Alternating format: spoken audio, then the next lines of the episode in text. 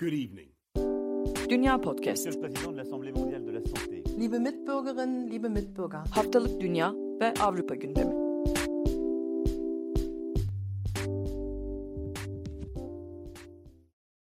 Dünya Podcast'ten herkese merhaba. Ben Seda Karatabanoğlu. Bugün Nida Dinçtürk ve Damla Tarhan ile birlikte 8 Mart Dünya Emekçi Kadınlar Günü için bir araya geldik.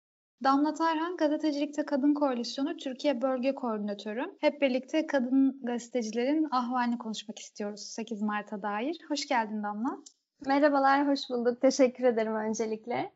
Biz teşekkür ederiz kabul ettiğin için. Başlamadan önce gazetecilikte kadın koalisyonu hakkında birkaç bilgi paylaşmak istiyorum. Koalisyon Mart 2017 yılında kadın gazetecilere yönelik küresel bir destek örgütü olarak kuruldu. Dünyanın dört bir yanında birçok ülkede kadın gazeteciler için mentörlük projesini öncülük eden ve kadın gazeteciler için özgür basın ortamı yaratmaya odaklanan bir örgüt. Gazetecilikte kadın koalisyonu amacı kadın gazetecilerin güvenle çalışabileceği ve gelişebileceği güçlü bir mekanizma geliştirmesine yardımcı olmak. Tanıtırken eksik bıraktığım bir yer varsa sen tamamlamak ister misin Damla? Çok teşekkür ederim. Seve seve eklemek istediğim bir iki şey olacaktır benim de. Dediğim gibi ben Türkiye ve Orta Doğu koordinatörü olarak çalışıyorum aslında. E, koalisyonun kuruluşuyla ilgili bir iki eklemek istediğim bir şey var. Çünkü kıymetli bir, buluyorum aslında. Kurucumuz Kiran Naziş. Kendisi Pakistanlı ama çok uzun bir süre, yaklaşık 30 yıl aşkın bir süre savaş muhabiri olarak çalıştı birçok yerde. Ve bunun akabinde aslında çok fazla tehdide, tacize ve kendisi de şiddete maruz kaldığı için bu noktada bir şeyler yapılması gerektiğini fark ederek tamamen bireysel çabalarıyla aslında bu koalisyonu kurdu. Dolayısıyla bunun kıymetli olduğunu düşünüyorum. Çünkü birçok kadın gazeteciyle birlikte aynı şartlarda çalışan ve mesleğini sürdürmeye devam etmeye çalışan bir gazeteci olarak çabaları bence çok kıymetli. Biz dediğin gibi aslında kadın gazetecilere dair her şeyi konu alıyoruz. Onları desteklemeye çalışıyoruz. Ama yaptığımız işin en önemli ayağı bence savunuculuk çalışmaları. Yani nedir? Bir kadın gazeteci şiddete, tacize ya da bir tehdide maruz kaldığında tabii ki ilk olarak kendileriyle e, iletişim kuruyoruz. Çünkü onların güvenlikleri bizim için önemli. Onların güvenlikleri sağlandıktan sonra basın bildirileri yayınlıyoruz. Ve bu basın bildirilerini diğer medya kuruluşlarıyla paylaşıyoruz. Burada aslında öncelikli amacımız bir toplumsal farkındalık yaratmak. Diğer amacımız da e, gerekli otoritelerde, yetkililerde bir baskı kurmaya çalışmak. Yani biz buradayız, biz bu vakaları takip ediyoruz ve bu kadın gazeteciler yalnız değil mesajını vermek aslında temel anlamda bunun için çalışıyoruz. Bahsettiğin gibi aslında kadınlara yönelik şiddeti e, konu alıyorsunuz. Yani savunuculuğu e, ön plana çıkarıyorsunuz ve bunun için yani bunun sizin için önemli olduğunu söylediniz. Hı hı. 8 Mart vesilesiyle bir rapor yayınladınız ve dünyada takip edebildiğimiz 48 kadın gazetecinin cezaevinde olduğunu söylediniz. Yani 48 kadın gazeteci 8 Mart'ı cezaevinde karşılayacak. Hı hı. Yine seninle Nisep Türkiye için hazırladığım kadın gazetecilere yönelik çevrim içi şiddet haberinde e, konuşmuştuk birlikte ve 2020 yılında bir önceki yıla göre çevrim içi şiddetin %78 oranında arttığını belirtmiştin. Başka bir çalışmanızda ise 10 Aralık Dünya İnsan Hakları Günü için yayınladığınız bir e, bildiride 2020 yılında 700'den fazla kadın gazetecinin şiddete uğradığını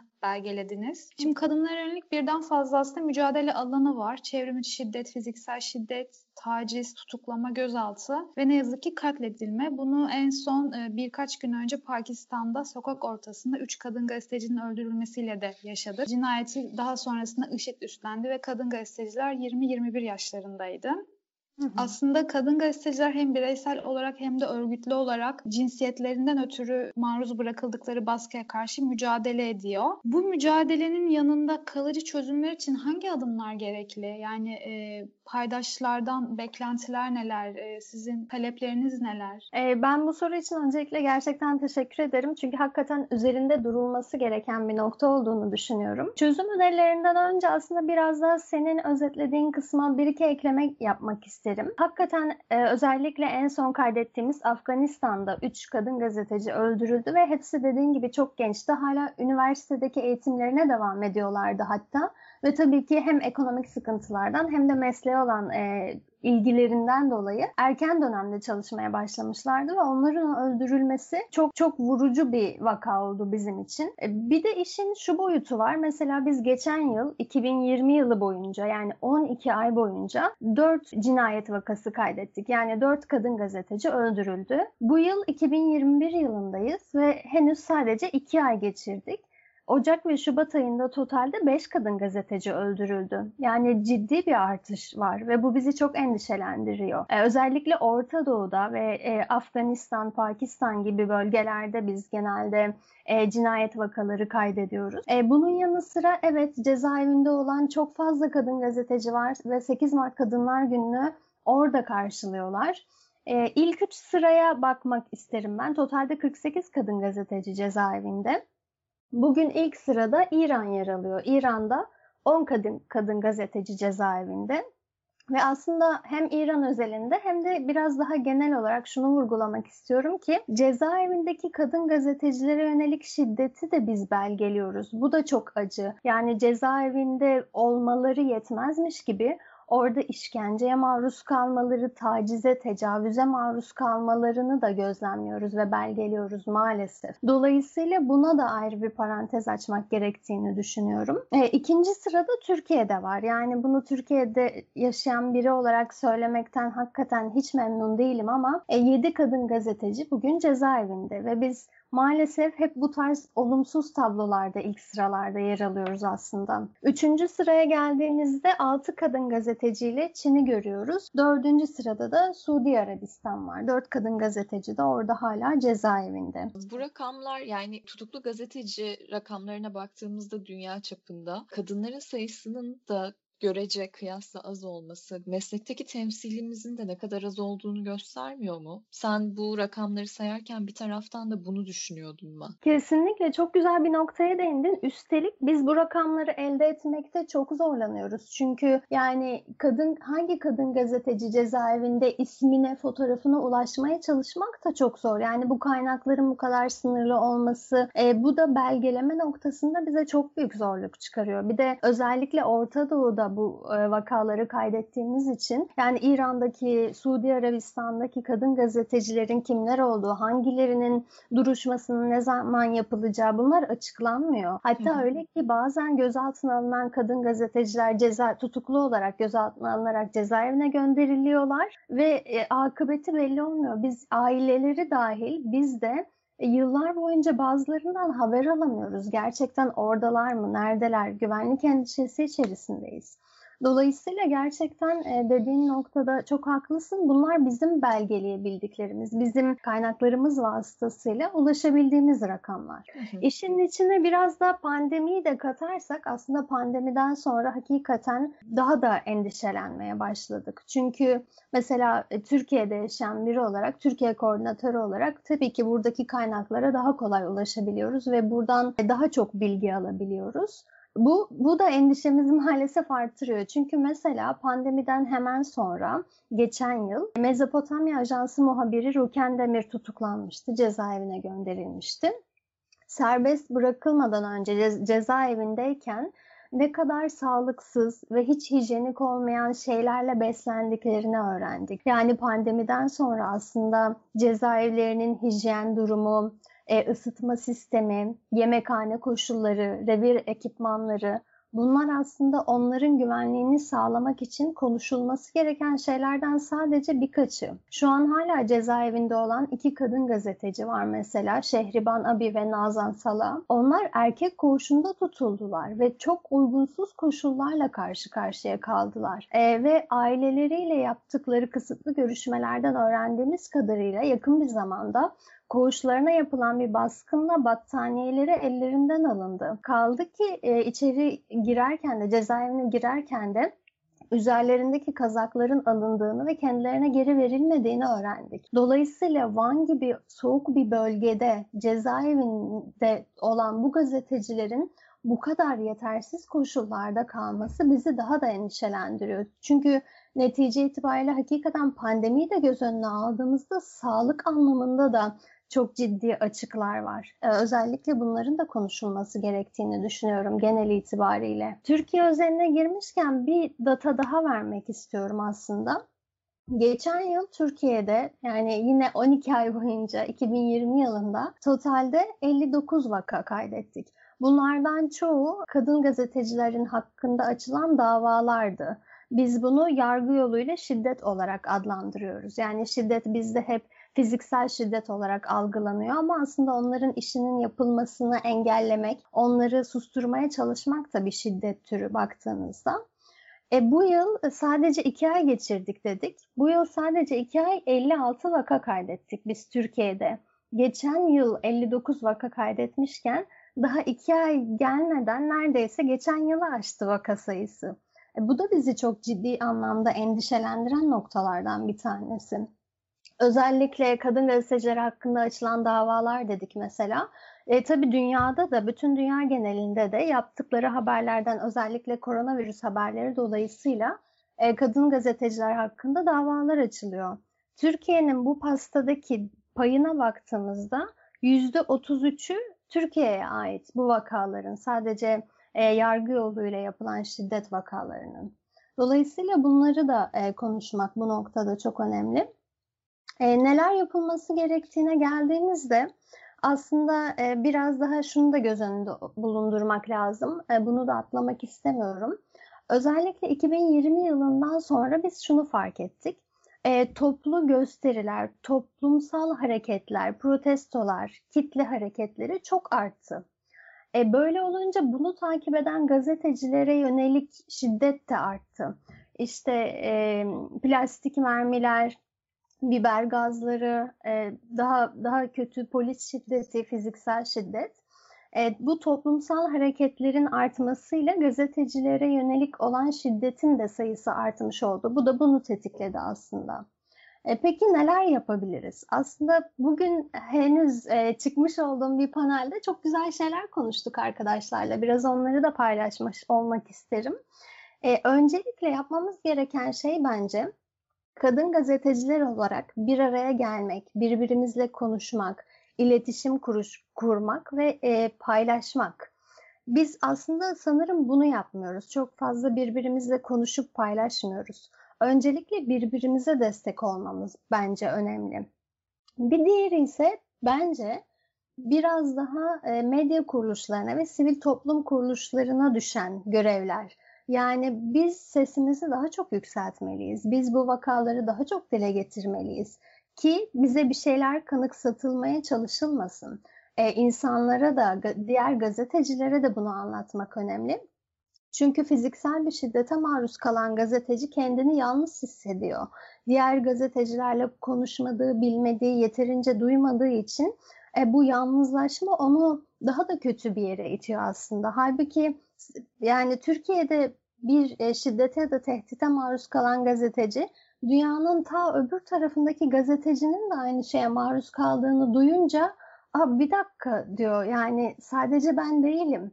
E, o zaman o noktada da birbirimizle deneyimlerimizi paylaşmamız çok önemli. Bu bir esin kaynağı olacaktır bence hepimiz için. Sanırım genel itibariyle söyleyebileceklerim bu şekilde. Ha bir de unutmadan şuna eklemek isterim. E, gazetecilikte kadın koalisyonu olarak biz aslında bir uygulama üzerinde çalışıyorduk. Bir mobil uygulama üzerinde çalışıyorduk yaklaşık iki yıldır. E, onun neticesini verdik. Aslında çok yakın bir zamanda duyurmuş olacağız. E, ilk kez burada sizinle paylaşma fırsatı bulduğum için de ayrıca tekrar teşekkür edeyim. JSafe isimli bir e, mobil aplikasyon geliştirdik. Hem Apple hem de Android telefonlar için şu an ücretsiz bir şekilde gazeteciler indirebilirler. E, G-Safe olarak e, okuyabilirim.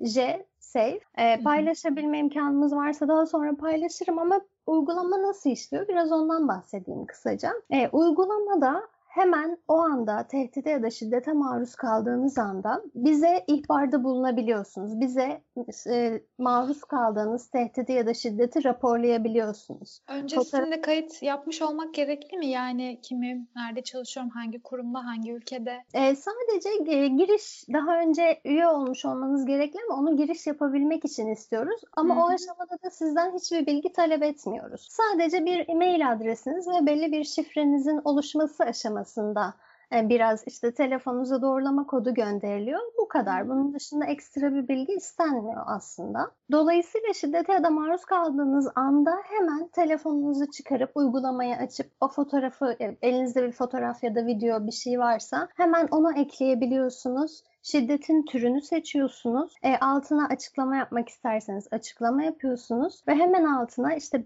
be, belirtmek isterseniz konum belirtip benimle iletişime geçin diyebiliyorsunuz. Bu da çok önemli. Yani benim size ihtiyacım var. Benimle kontak kurmanız gerek. Hani ben zor durumdayım. Bu çok acil bir e, durum şeklinde biz uyarı alıyoruz e, uygulama vasıtasıyla ve hemen gazetecilerle iletişim kurup ne yapabileceğimize bakıyoruz. Gazetecilikte kadın koalisyonu olarak bizim kaynaklarımız yetmiyorsa birçok dünyanın birçok yerinde partnerlerimiz var. Tabii ki partnerlerimizle de bir araya gelip ne yapabileceğimize bakıyoruz. Birisinin hemen o an avukata ihtiyacı vardır mesela.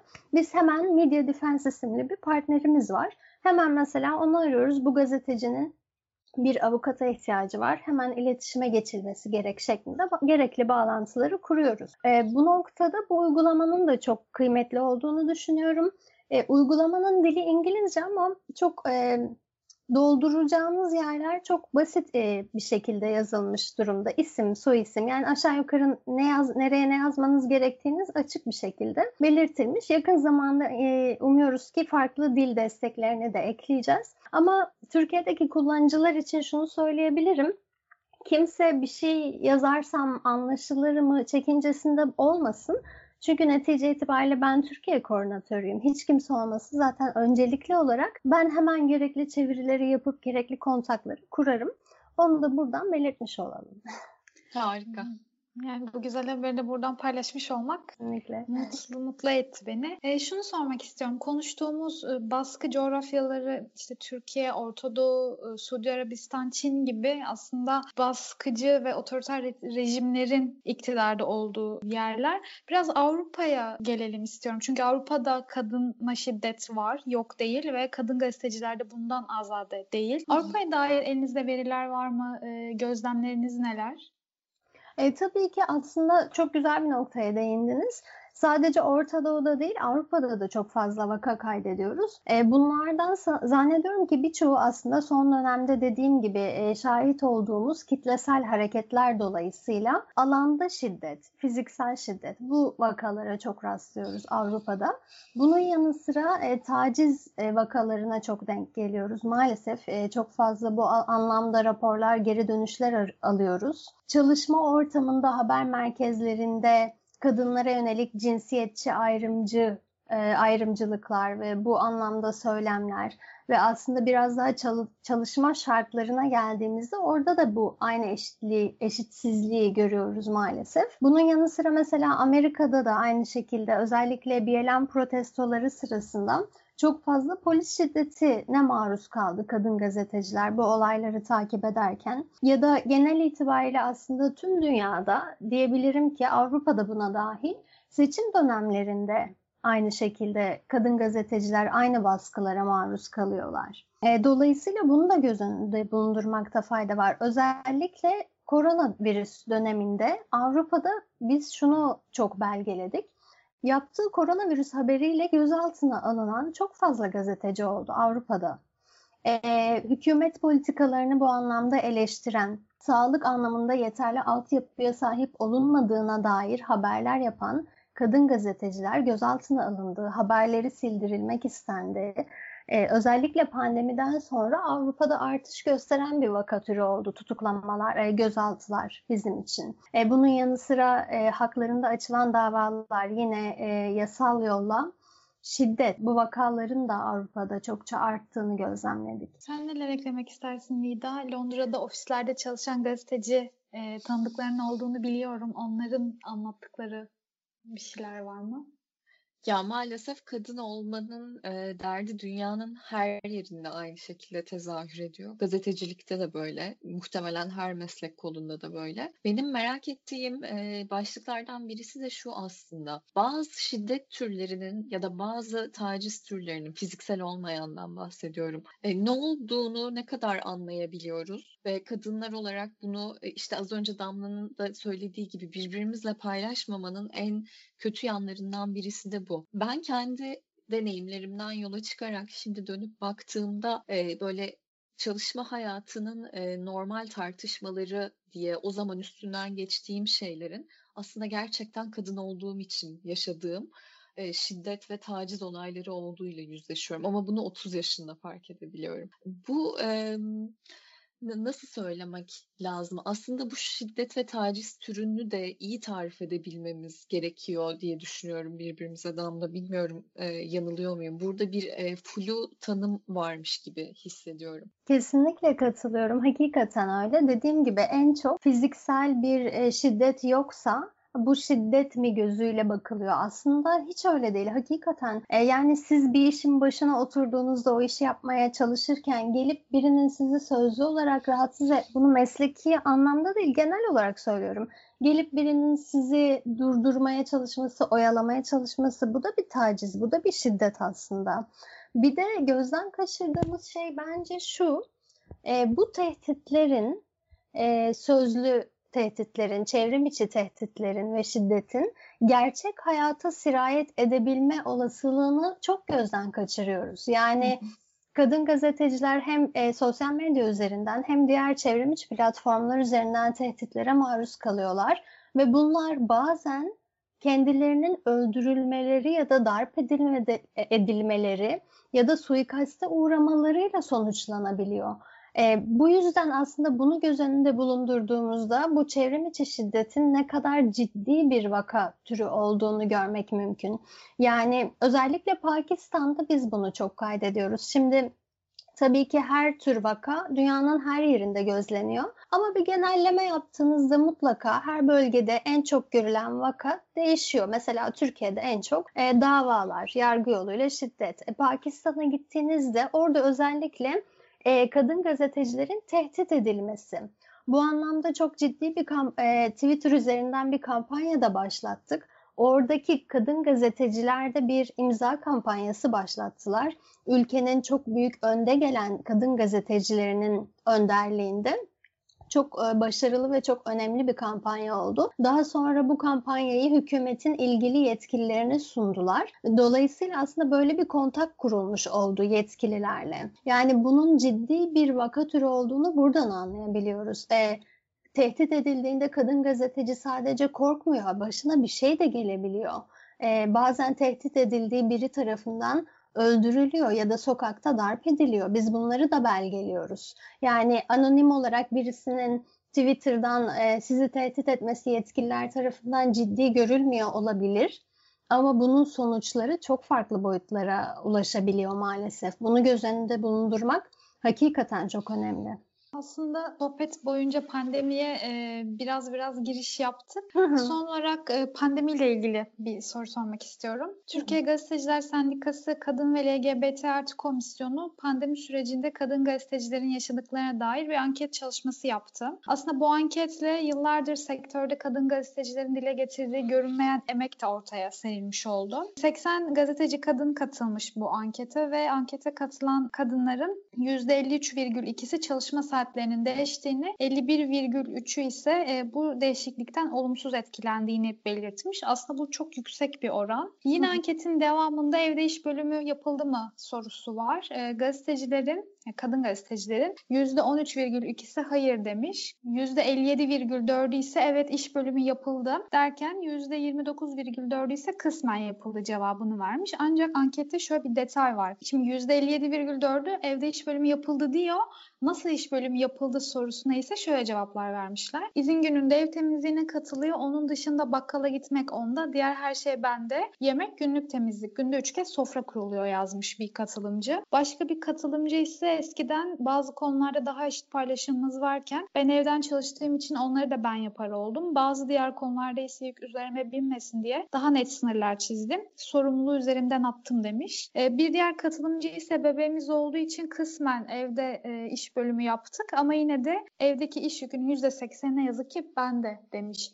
Siz nasıl gözlemliyorsunuz? Hem kendi hayatınızda hem çevrenizde pandemide iş yükümüz nasıl arttı da hangi yükler üzerimize bindi? Ee, gerçekten bu da çok önemli bir konu. Öncelikle şöyle başlayabilirim. Türkiye Gazeteciler Sendikası bizim partnerlerimizden birisi. Dolayısıyla bu çalışma için yeri gelmişken onlara çok teşekkür ediyorum. Çok kıymetli bir çalışma. Bu noktada şöyle bir katkı sağlayabilirim. Özellikle pandemiden sonra tabii her kuruluş gibi biz de Instagram ve YouTube üzerinden canlı yayınlar yapmaya başladık. Böyle olunca kadın gazetecilerle olan birebir iletişimimiz biraz daha artmış oldu. Her hafta birini ağırlamaya çalıştık ve genel itibariyle sorunlar üzerinde konuştuk. Onun dışında kısa videolar hazırladık kadın gazeteciler için ve bu videoları hazırlamak için onlarla röportajlar yaptık. Dolayısıyla buradan e, çıkarımlarımız da e, çok önemli oldu. Bize çok katkı sağladı savunuculuk çalışmalarının yanı sıra. Bu noktada şunu söyleyebilirim. Özellikle durumun ciddiyetini şurada e, kavradım. Pandemi daha yeni e, yeni yayılmaya başlamıştı. Ülkemizde bir e, kadın gazeteci meslektaşımla konuşurken e, şunu söyledi. Ya Şimdi evden çalışıyoruz diye ben sabah 3'e 4'e kadar çalışmaya başladım. Bunun bir sınırı yok artık. Bunun sınırı kalktı dediğinde ya, hakikaten bir durup düşündük. Gerçekten öyle. Şimdi evden çalışınca nedense çalışmıyormuşuz gibi bir izlenim oluyor. Bilmiyorum bu çok enteresan bir durum ama evde olduğumuz için sanki yani işimizi bir şekilde halledip de sonra diğer her şeye vakit ayırabilirmişiz gibi geliyor. E işveren içinde böyle aile bazen maalesef aile içinde de böyle oluyor. Bu, bu çok ciddi bir problem. Yani sabah 9'da mesaiye başlayıp normal şartlarda işte 8'de 9'da başlayıp akşam 6'da mesaisini bitiren birisi bu şartlar altında maalesef sırf ofiste olmadığı için sabahlara kadar çalışmak zorunda bırakılıyor. Bu ciddi bir e, haksızlık aslında. E baktığınızda peki bu ücrete yansıdı mı? Hayır aksine maaşı pandemi dolayısıyla daha az maaş almaya başlayan çok fazla kadın gazeteci olduğunu gördük. Birebir e, canlı yayınlarda da gelen yorumları da paylaştık. Hakikaten herkes maalesef maaşında bir ciddi oranda bir düşüş olduğunu fakat buna rağmen bunun tam tersine iş yoğunluğunun daha da arttığını söyledi. Ki e, evdeki giderler de artıyor, faturalar evet. artıyor, çay kahve tüketimi artıyor, yemek parasını iş yeri vermiyor. Kesinlikle öyle. Bir de aslında ekstra bir destek yapılması gerekirken böyle bir şeyin olması hakikaten bilmiyorum. Bence beklemediğimiz bir şeydi. E bunun yanında bir de anne olan kadın gazeteciler var. Onlar için dediğin gibi iş çok daha zor. Yani hem maalesef bizim toplumumuzda e, çocuğun sorumluluğu hep anneye yükleniyor. E, burada şimdi evde olunca bir de anne çocukla mı ilgilensin, işini mi yapmaya çalışsın illa ki zorluklar oluyor.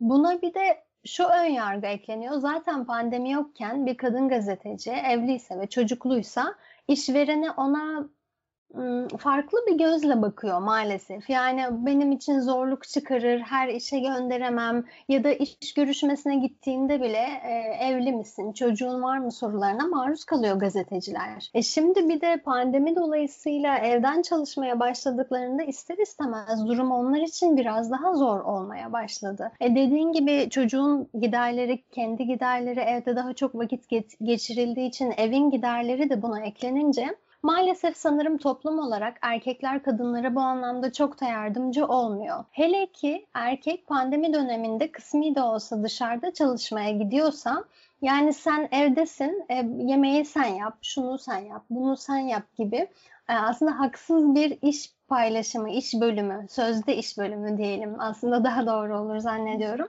Sözde iş bölümüne gidiliyor. E, bu da kadın gazetecileri mecburen etkiliyor, olumsuz anlamda etkiliyor. Peki, eee, yani, aslında bu sabaha kadar konuşabileceğimiz bir başlık ve benim de, eee, sormak, eklemek istediğim, içimi dökmek istediğim birçok başlık var ama varlığınız çok kıymetli Damla. Çok teşekkür ederim ben kendi adıma. Eee, kendimi bir tık bile olsa güvende hissediyorum, yani, böyle kurumların, gerçekten işleyen kurumların varlığıyla, eee, karşılaştığımda. E, çünkü bir taraftan da bir kurumlar kalabalığı olduğunu kabul etmemiz gerekiyor dünya çapında sadece Türkiye özelinde değil. Çok teşekkür ederim ben. Ben de çok teşekkür ederim. Sizin vasıtanızla böyle sesimizi duyurmuş olduk ve hakikaten kadın gazetecilere de buradan söylemek istediğim şey öncelikle Kadınlar Günü kutlu olsun tabii ki.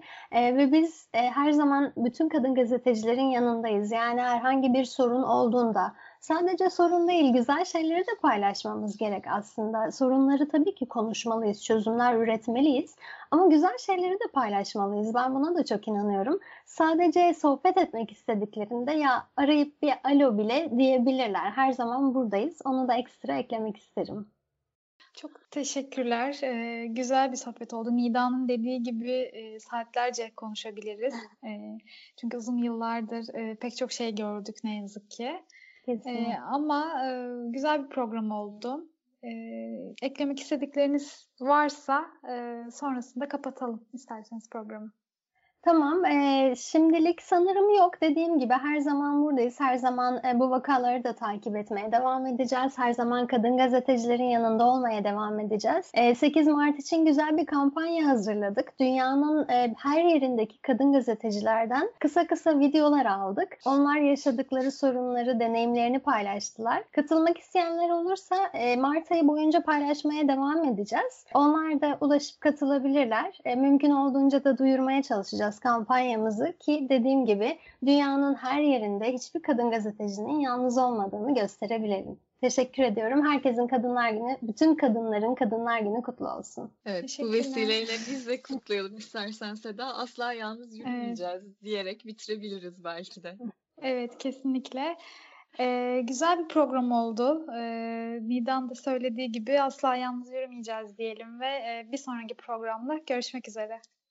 Hoşçakalın. Hoşçakalın. Good evening.